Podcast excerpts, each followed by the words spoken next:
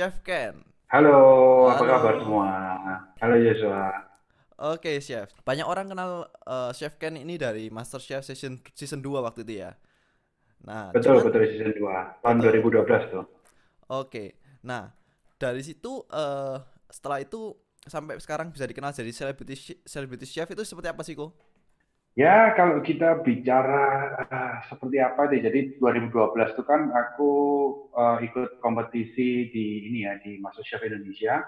Eh, dari tahun itu begitu lolos sampai ke top 3 ya di MasterChef Indonesia, nah itu baru eh, menjalani kehidupan itu sebagai ya you can call it celebrity chef seperti itu.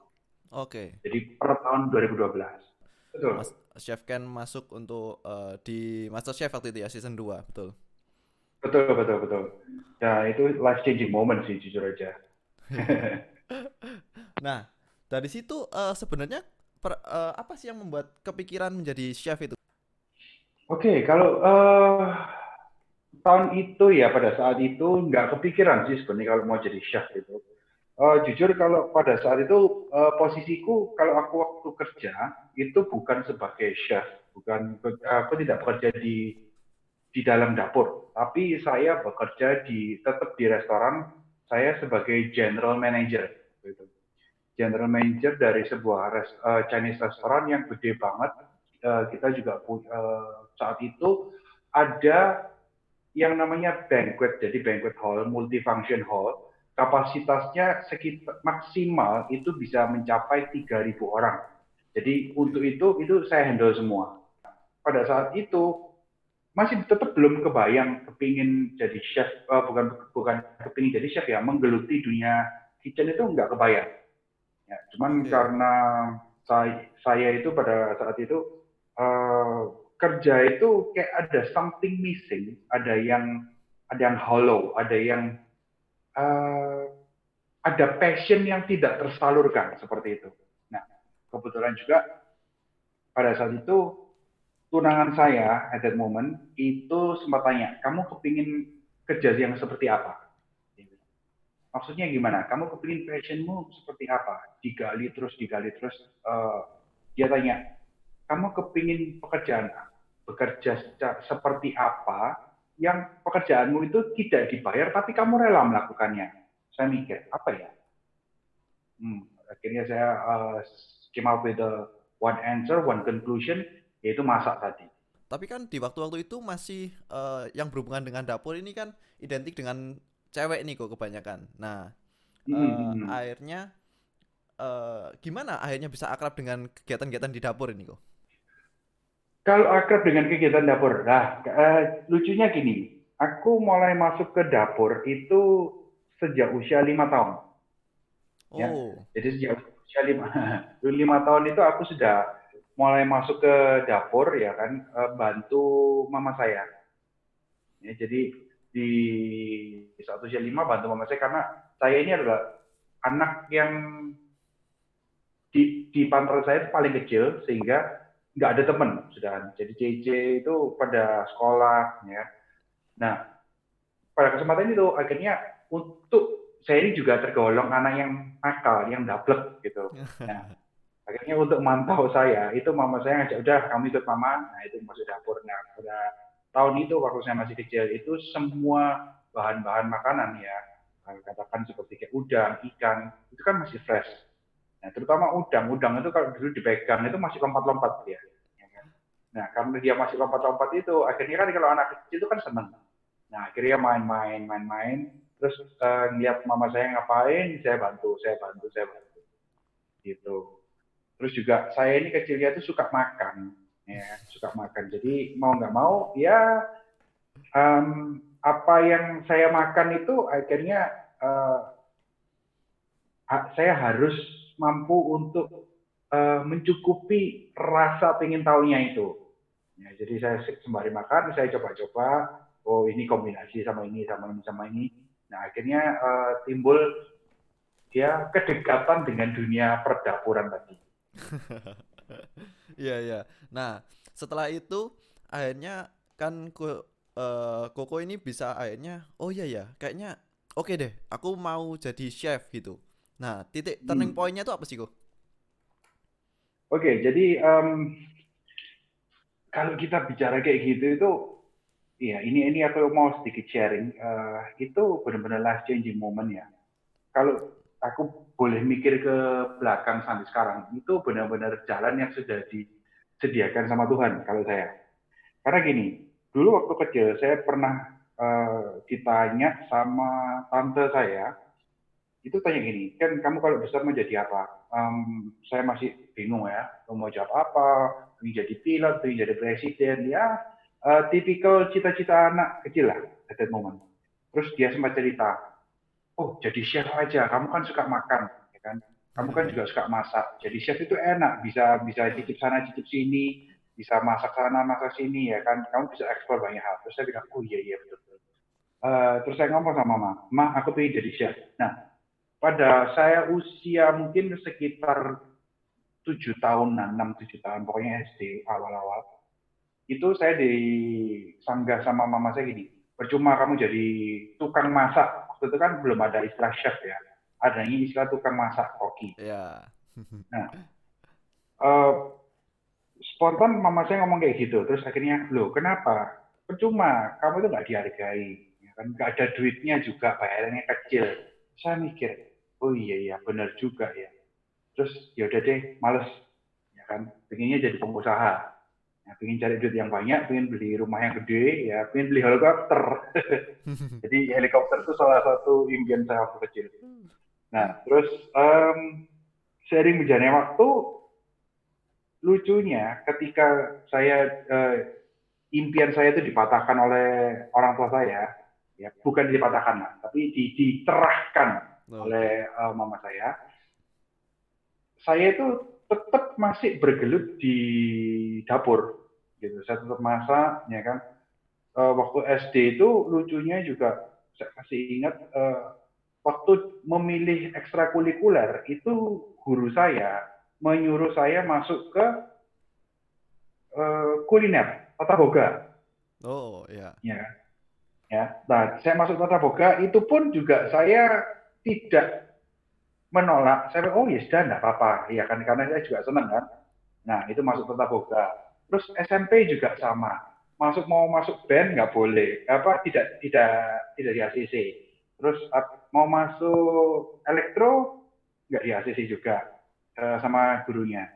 Akhirnya masuknya ke tata boga sama basket. Ya kan? tapi tetap tata boga masa terus SMA kalau kita keluar sama teman-teman kumpul-kumpul itu saya selalu bagian masak. Ya kan? Jadi eh, secara melihat perjalanan hidup saya itu diarahkan ke masak masak masak masak seperti itu. Ya kan? Jadi benar-benar eh, apa ya nggak nyangka. Terus ketika besar nggak jauh-jauh kerjanya juga di restoran sebagai general manager ya kan? Berhubungan dengan masak juga. Kalaupun restoran saya waktu, waktu saya jaga dulu itu rame, kadang-kadang saya coba jas, saya lepas dasi, saya bantu chefnya, ayo chef saya bantu, bantu what do you need, what can I do to help, ya kan? Nah akhirnya itu tambah lebih senang lagi. Nah itu juga mungkin salah satu yang dilihat sama tunangan saya ya, itu eh, supaya ini, udah kamu masuk di masuk chef aja misalnya. Nah, itu pun juga ada lucunya itu. Waktu dimasuki di Master Chef, saya di apa ya, didorong oleh tunangan saya at that moment yang sekarang jadi istri saya, itu didaftarkan secara diam-diam pada hari terakhir penutupan pendaftaran. Oke. Amin satu atau dua jam sebelumnya itu disubmit sama dia. Tuh. Terus akhirnya ya masuk ke Master Oke. ya itu life changing moment bagi saya dan kalau saya lihat ke belakang saya tolak ke belakang somehow itu seperti jalan yang sudah digariskan tinggal kapan saya mau menye- menyetujui ngambilnya itu Jadi dari kecil memang hubungannya erat sekali ya kok ya dengan hubungan makanan dan Oh. memasak kayaknya. iya betul Oke, nah aku waktu itu denger kok, eh, mungkin denger-denger atau baca berita juga bahwa sebenarnya kus eh, kokain ini juga dilarang sebenarnya sama orang tua. Tadi koko juga sempat nyinggung kayak gitu. Apa itu benar kok kayak gitu? Hmm. Iya benar benar benar. Jadi pada saat uh, saya ngomong pertama kali ya, apa ingin saya mau jadi apa, itu sempat dilarang sama mereka, terutama mama saya. Bukan dilarang, uh, tidak didukung, tapi karena dia ngomong gini, percuma, kamu mau jadi kayak gitu tuh, future-nya nggak ada. Saya nggak nyalahin, ya, saya nggak nyalahin. Karena kalau kita ngomong uh, pada era itu ngomong tukang masak, koki apa segala macam, itu apa? Posisi apa itu? Itu posisi yang tidak mungkin dimiliki oleh orang Indonesia pada umumnya. Biasanya yang jadi chef itu adalah orang-orang ekspatriat, orang-orang luar, bule dan segala macam. Oke, oke, ya. iya, iya. Jadi sekarang mungkin... sih beda ya kalau kita lihat uh, perjalanan prosesi dulu dengan sekarang. Sekarang kalau orang ngomong chef itu, oh ya go ahead, langsung didukung sama orang tua. ya, nah akhirnya dari situ uh, waktu Koko akhirnya mikir oke okay, yakin bahwa it's fine being a chef tapi uh, mungkin banyak juga pendengar yang lain bahwa gimana sih untuk kita 100% yakin kayak gitu untuk jadi apa yang kita inginkan kayak gitu. Hmm, kalau mau 100% yakin ini there's no such thing as 100% sure. Ya kan kadang beberapa okay. orang uh, meskipun dia sudah di posisinya yang dia punya sekarang itu kadang-kadang masih masalah ragu benar nggak ya benar nggak ya tapi yang bisa saya share di sini ya untuk meyakinkan diri kita itu kita harus tahu what is your deepest passion ya kan keinginanmu yang ada mendalam itu apa. Itu salah satu kita bisa tahu passionnya itu apa ya kan pinginnya itu seperti apa gitu iya Nah, kalau misalnya dari sisi lain mungkin juga kita uh, gimana ya yang juga terhalang dengan orang tua, chef. Mungkin di bidang lain juga pendengar-pendengar yang lain atau netizen yang lain ini uh, mungkin bukan di chef, mungkin di bidang lain. Gimana sih untuk kita membuat orang tua kita ini approval lah kayak gitu? Uh, susah ya. Kalau Yosua ngomong kayak gitu tuh memang saya akuin itu susah. Terutama saya ini kan juga sebagai dosen juga ya kan banyak teman uh, teman-teman saya maksudnya mahasiswa mahasiswa saya itu kalau curhat sama saya itu kayak ada yang nggak didukung apa segala macam itu lebih ke gini kita harus bisa mengajak atau merasional mengajak ngomong secara rasional ya kepada orang tua kita ya good and bad things-nya itu seperti apa sebisa mungkin orang tua itu dicelikkan matanya. Ya kan mungkin uh, teman-teman juga bisa share ke orang tua orang tua. Kalau dari uh, netizennya Joshua itu bisa ngajak ngomong mereka ya kan ngajak ngomong orang tua mereka. Ngaj, uh, membuka the real fact yang ada di sana ya kan. Karena banyak sekali di luar sana ya, itu orang-orang yang menjalani passionnya pun itu juga uh, kehidupannya masih susah ya kan bisa seperti itu atau sebaliknya nggak uh, nggak hidup dengan passionnya, tidak bekerja dengan passionnya, tapi ternyata itu juga bisa jadi sebuah kesuksesan, ya kan? Sebenarnya gini, passion apa enggak, itu kita harus tekun melakukannya, ya kan? Okay. Kalau memang kita sudah passionnya, nah itu harus ditekuni terus.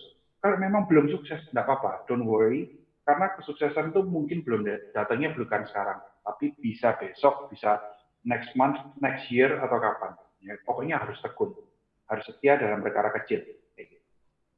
Iya, iya, iya. Nah, waktu Koko meyakinkan orang tuanya Koko ini uh, sempat nggak hmm. kepikiran untuk berhenti gitu? Udahlah, karena orang tua nggak setuju ya kita stop aja daripada nanti kita jalanin terus uh, bakal kehambat gitu. Uh, orang tua saya ya pada saat itu saya jujur waktu jadi GM itu gaji sudah lumayan ya posisi juga sudah lumayan karir udah oke. Okay ketika saya memutuskan itu mereka sempat menentang ya menentangnya dengan catatan gini kamu buat apa? Ya kan kita ini posisinya sudah seperti ya, kamu itu posisinya sudah seperti ini. Buat apa kamu main-main dengan hal yang nggak pasti? Nah tapi saya pada saat itu saya ini bandel saya bandel dan saya punya keyakinan uh, I've got to try this saya harus coba ini karena kalau saya nggak coba kita nggak akan tahu Ya kan? Kalaupun ini jalan yang tidak yang sesuai, tidak sesuai dengan saya, tidak tidak seperti apa yang saya bayangkan, ya sudah, kita punya pilihan untuk menjalani dengan kehidupan sebelumnya. Kita seperti uh, bekerja seperti sedia kala. Nah, tapi dari masa hidup saya setidaknya saya harus memiliki kesempatan untuk mencoba itu. Karena kalau kita nggak tahu, ya, kalau kita belum pernah mencobanya, we never know is this suitable for us or not. Ya ini sudah pas buat kita atau enggak. Ya, kan? Yang penting itu harus dicoba dulu. Kunci yang mau kalau untuk orang-orang sukses harus dicoba, harus dijalani. Nggak bisa try again, ya nggak bisa try again. Nanti kalau memang ini sudah mentok dan bisa, optionnya adalah oke okay, leave it atau uh, kamu mau cari sesuatu yang baru? Kayak gitu. Uh, prosesnya itu waktu koko uh, bisa sema dibilang semacam tembok lah uh, dari orang tua ini. Berapa lama sih kok waktu itu uh, struggle di dalam hal itu itu? Akhirnya bisa melewati hal itu tersebut. Uh, konyolnya gini. Ketika saya dipanggil di ke Syaf itu hamin 10 hari 10 hari jadi hari, 10 hari sebelumnya itu saya dikabarin bahwa kamu tanggal sekian 10 hari lagi harus berangkat ke Jakarta untuk eh, melanjutkan uh, ke sesi apa ya istilahnya audisi untuk uh, menginjak 60 besar ya karena dari situ itu mulai ini mulai apa bingung ini gimana ya? Karena kan harus ngatur saya harus ninggalin pekerjaan, tapi saya harus meninggalkan pekerjaan saya ini dengan tanggung jawab. Jadi saya harus nata semua. Saya belum resign, ya kan? Nah itu harus ditata semua. Uh, begitu saya sudah oke, okay, semuanya sudah saya beresin, ngomong ke orang tua saya itu hamin tujuh hari, satu minggu sebelumnya. Oke. Okay. Ya kan, jadi satu minggu sebelumnya itu saya ngomong sama mereka, uh, mereka sudah mati-matian mau ngomong, tapi ya karena pada saat itu usia saya memang sudah 30 tahun, ya kan sudah 30 tahun. Akhirnya ya mau nggak mau memang saya ini uh, berhak untuk mengambil keputusan untuk diri saya sendiri ya kan?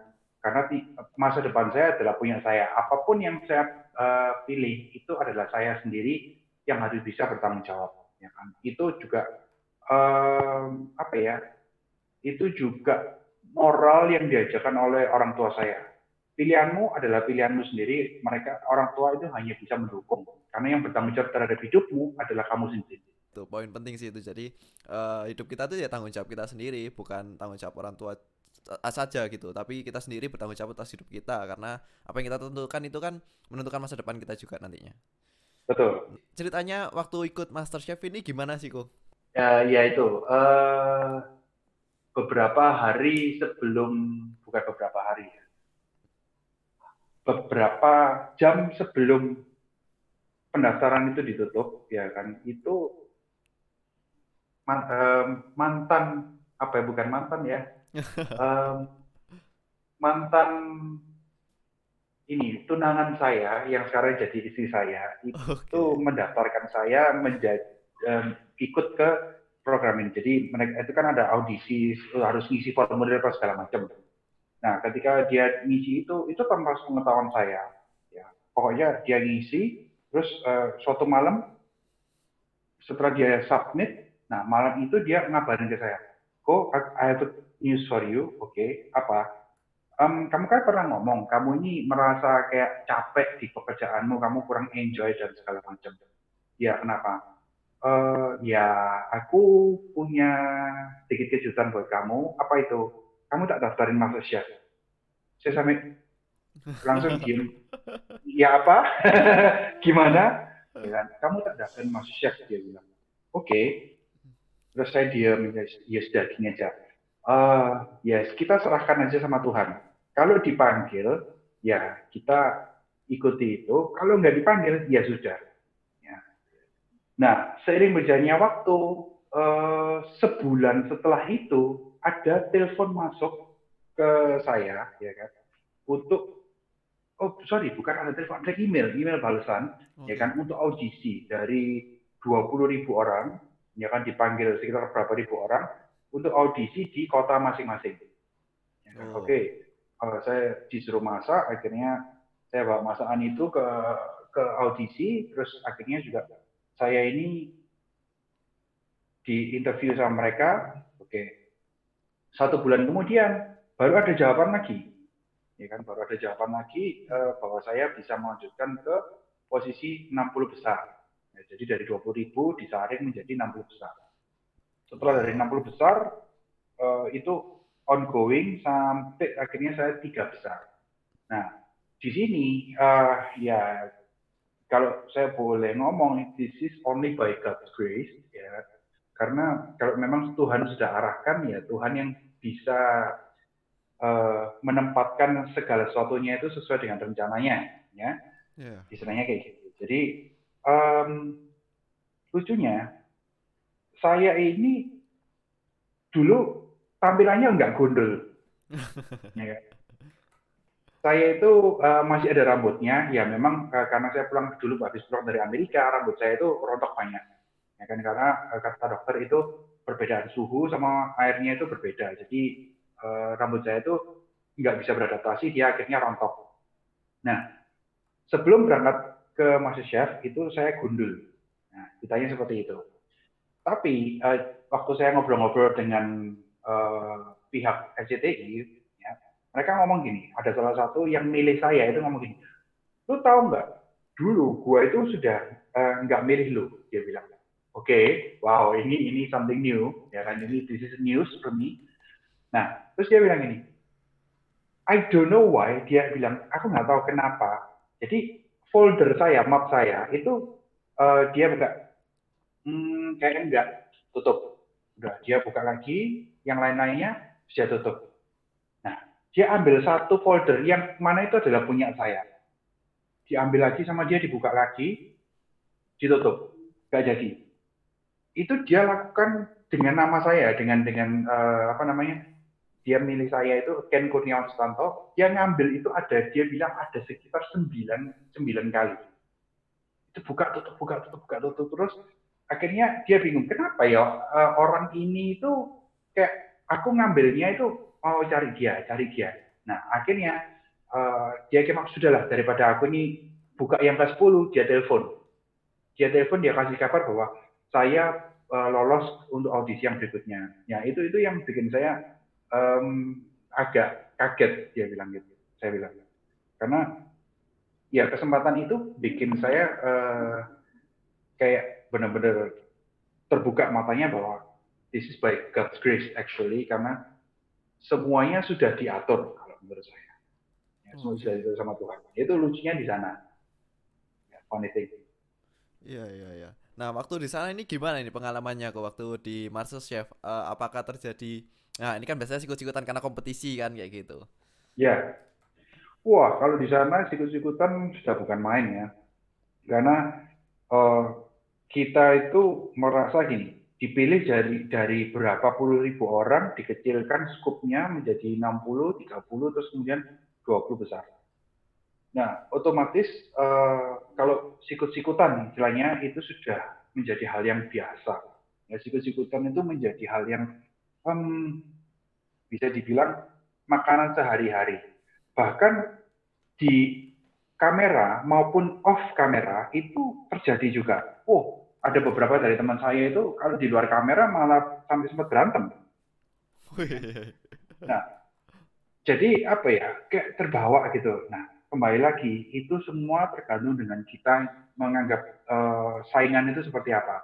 Kalau kita bisa saingan dengan sehat, ya do it gitu. Tapi kalau nggak bisa itu membawa kita dragging down our emotions, uh, hati kita itu kebawa jadi kayak emosional banget Ya kan? Dan itu menjadi barrier kalau menurut saya. Uh, ya bersikap dewasa lah. Ya ketika dalam sebuah tantangan kayak gitu, kita bisa bersikap dewasa, kita harus bisa ambil sikap yang positif, meskipun kita ini dalam sebuah persaingan ya, tapi bersaingan dengan sehat, bersaingan dengan benar. Meskipun mereka saingannya nggak sehat, ya kan, ya tetap bermainlah dengan benar. Ya, karena banyak uh, masukan ke saya itu gini, kan katanya ini, kata maksud di sana ya, katanya si A, kamu itu seperti ini loh. Jadi dijelek-jelekin gitu. Terus saya cuma bilang, oh gitu, ya sudah, enggak apa-apa. Saya cuma gitu, uh, ya sudah, enggak apa-apa. Yang jelas gini, kalau itu benar, ya nanti akan terbukti. Saya bilang itu. Tapi kalau itu semua nggak benar, ya itu nanti semuanya akan terbukti. Yang jelas satu, saya di sini, saya nggak mau cari musuh, saya bilang Jadi saya nggak mau cari musuh. Kalau mereka punya opini seperti itu terhadap saya, ya silakan go ahead. Ya kan? Saya kayak gitu. Karena ya for me ambil ini aja lah. Uh, why so serious? Maksudnya kenapa harus kenapa harus sampai uh, saya di sini tuh untuk berkompetisi dengan dengan sehat. Kenapa harus sampai kayak mati-matian kayak apa terlalu berambisius seperti itu? Uh, kehidupan ini kita nggak tahu kapan kita di atas, kapan kita di bawah. Jadi ya sudah, go it, gitu go with the flow. Ngapain harus cari musuh? Itu itu menurut saya. Iya iya iya ya. betul betul. Jadi ya namanya kompetisi pasti ada kejadian seperti itu ya kok ya. Betul betul. Kerjaan pun sama kok. Ya kita mau kerja nggak usah di kompetisi lah di, di lingkungan pekerjaan aja di dunia bisnis pun sama, ya kan sama. Ya tergantung sikapnya kita aja. Kita cukup dewasa untuk menyikapinya atau enggak. Iya betul. Jadi uh, dari pengalamannya Koken ini dari awal dari sebelum Master Chef sampai Master Chef sampai sekarang hmm. Uh, bisnis juga. Sebenarnya apa sih yang uh, prinsipnya Koko yang Koko pegang sampai sekarang ini kok? Hmm. Prinsip ya. Kalau prinsip saya sih uh, saya harus melakukan pekerjaan saya itu dengan terbaik ya. ya sebisa mungkin kalau bisa hasilnya maksimal ya dan terbaik ya lakukan dengan resource apa pun bukan berarti kita misal kekurangan sumber daya gitu ya bukan berarti kita tidak bisa melakukannya. There always a way. Akan selalu ada cara akan selalu ada jalan kalau kita memang mau berusaha. Ya itu salah satu prinsip saya. Yang kedua uh, saya menjalani setiap kehidupan saya itu terutama untuk di dunia usaha ya itu saya menjalaninya dengan um, living with God's grace tadi. Jadi berserah kepada Tuhan, ya kan, menaruh semuanya pada Tuhan. Itu itu prinsip saya. Karena meskipun kita berusaha semaksimal mungkin, tapi kalau memang Tuhan tidak menghendaki atau Tuhan belum menghendakinya, ya itu nggak akan terjadi. Karena beberapa kali saya sempat uh, dapat tender, katakan, tender ini selalu datang ke saya, ya kan, um, tapi nggak pernah dapat gitu loh. Tapi herannya ini selalu ditawarkan ke saya. Lalu saya juga bingung gitu loh. Kenapa? Ya. Kenapa kok ditawarin ke saya? Nah, cuman uh, satu nilai positif yang bisa saya uh, terima, saya merasa gini, oke, okay, berarti Tuhan ini mengajarkan saya untuk mempersiapkan saya menjadi besar. Jadi ketika tender itu datang kepada saya lagi ke depannya, saya sudah siap. Nah, jadi kita ambil posisi positifnya aja. Prepare ourselves. Meskipun kita belum mendapatkan apa yang kita maui, mungkin itu belum saatnya. Tapi prinsip saya, ya sudah, kalau itu belum saatnya, persiapkan dirimu untuk mendapatkan. Kayak gitu. Nah, tapi dari situ kok uh, sebenarnya siapa sih support sistemnya Koko yang sampai sampai sekarang bisa tetap uh, kuat lah, bisa menjalani setiap usahanya Koko, setiap apa pun lah yang Koko kerjakan kayak gitu. Oke, nomor satu support system saya itu pastinya Tuhan Ya, itu, itu sudah jelas. Oke. Okay. Uh, nomor dua, um, actually ini yang selalu menjadi input buat saya, ya, bahwa kita tidak bisa mengandalkan orang lain selain diri kita sendiri. Itu benar, ya kan? Karena other people itu orang lain itu bisa mengecewakan, ya nggak bisa disalahkan, ya kan? Hmm. Semua orang bisa berbuat salah, itu manusiawi, ya kan? Jadi ya, betul. Uh, lakukan segala sesuatunya itu dengan maksudnya kembali lagi ke kamu, kembali lagi ke diri kita, kita siap apa enggak? Ya kan itu nomor uh, nomor dua.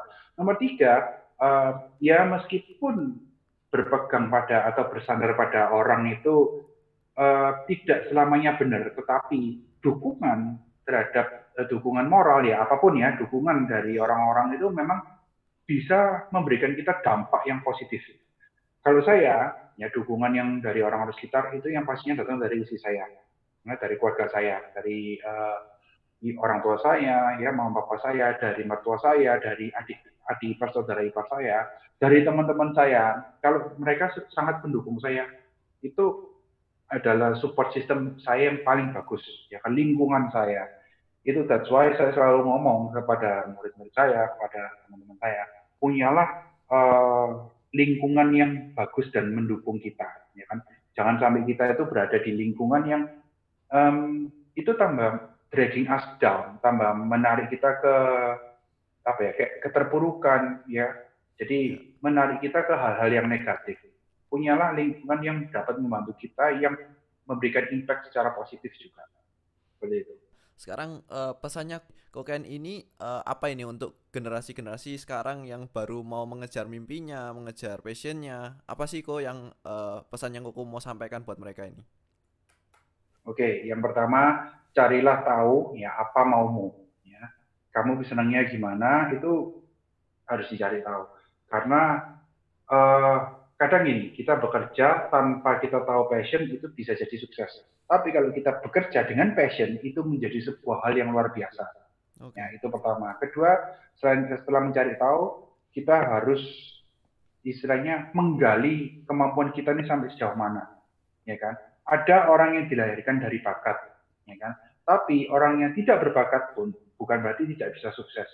Yang penting satu, mau belajar, ya kan? Mau belajar, mau berupaya, mau berusaha, itu penting, ya kan? Ketiga, bagi teman-teman semua, uh, untuk menjalani sebuah passion, untuk mencari tahu ya atau mau fight di luar sana, yang penting satu ya kita harus menyerahkan semuanya ya hidup kita itu ke tangan yang benar yaitu bagi saya itu saya serahkan itu ke Tuhan ya kan? karena apa pun uh, seperti yang saya katakan tadi apa pun usaha kita yang kita lakukan semaksimal mungkin kalau memang Tuhan belum mengendakinya dan itu belum menjadi misalnya belum menjadi porsi kita yang akan dapat. Ya, jadi tetap dengan doa. Oke kok. Jadi uh, thank you Niko sudah share banyak pengalamannya dari master chefnya, dari pengalaman bisnisnya juga.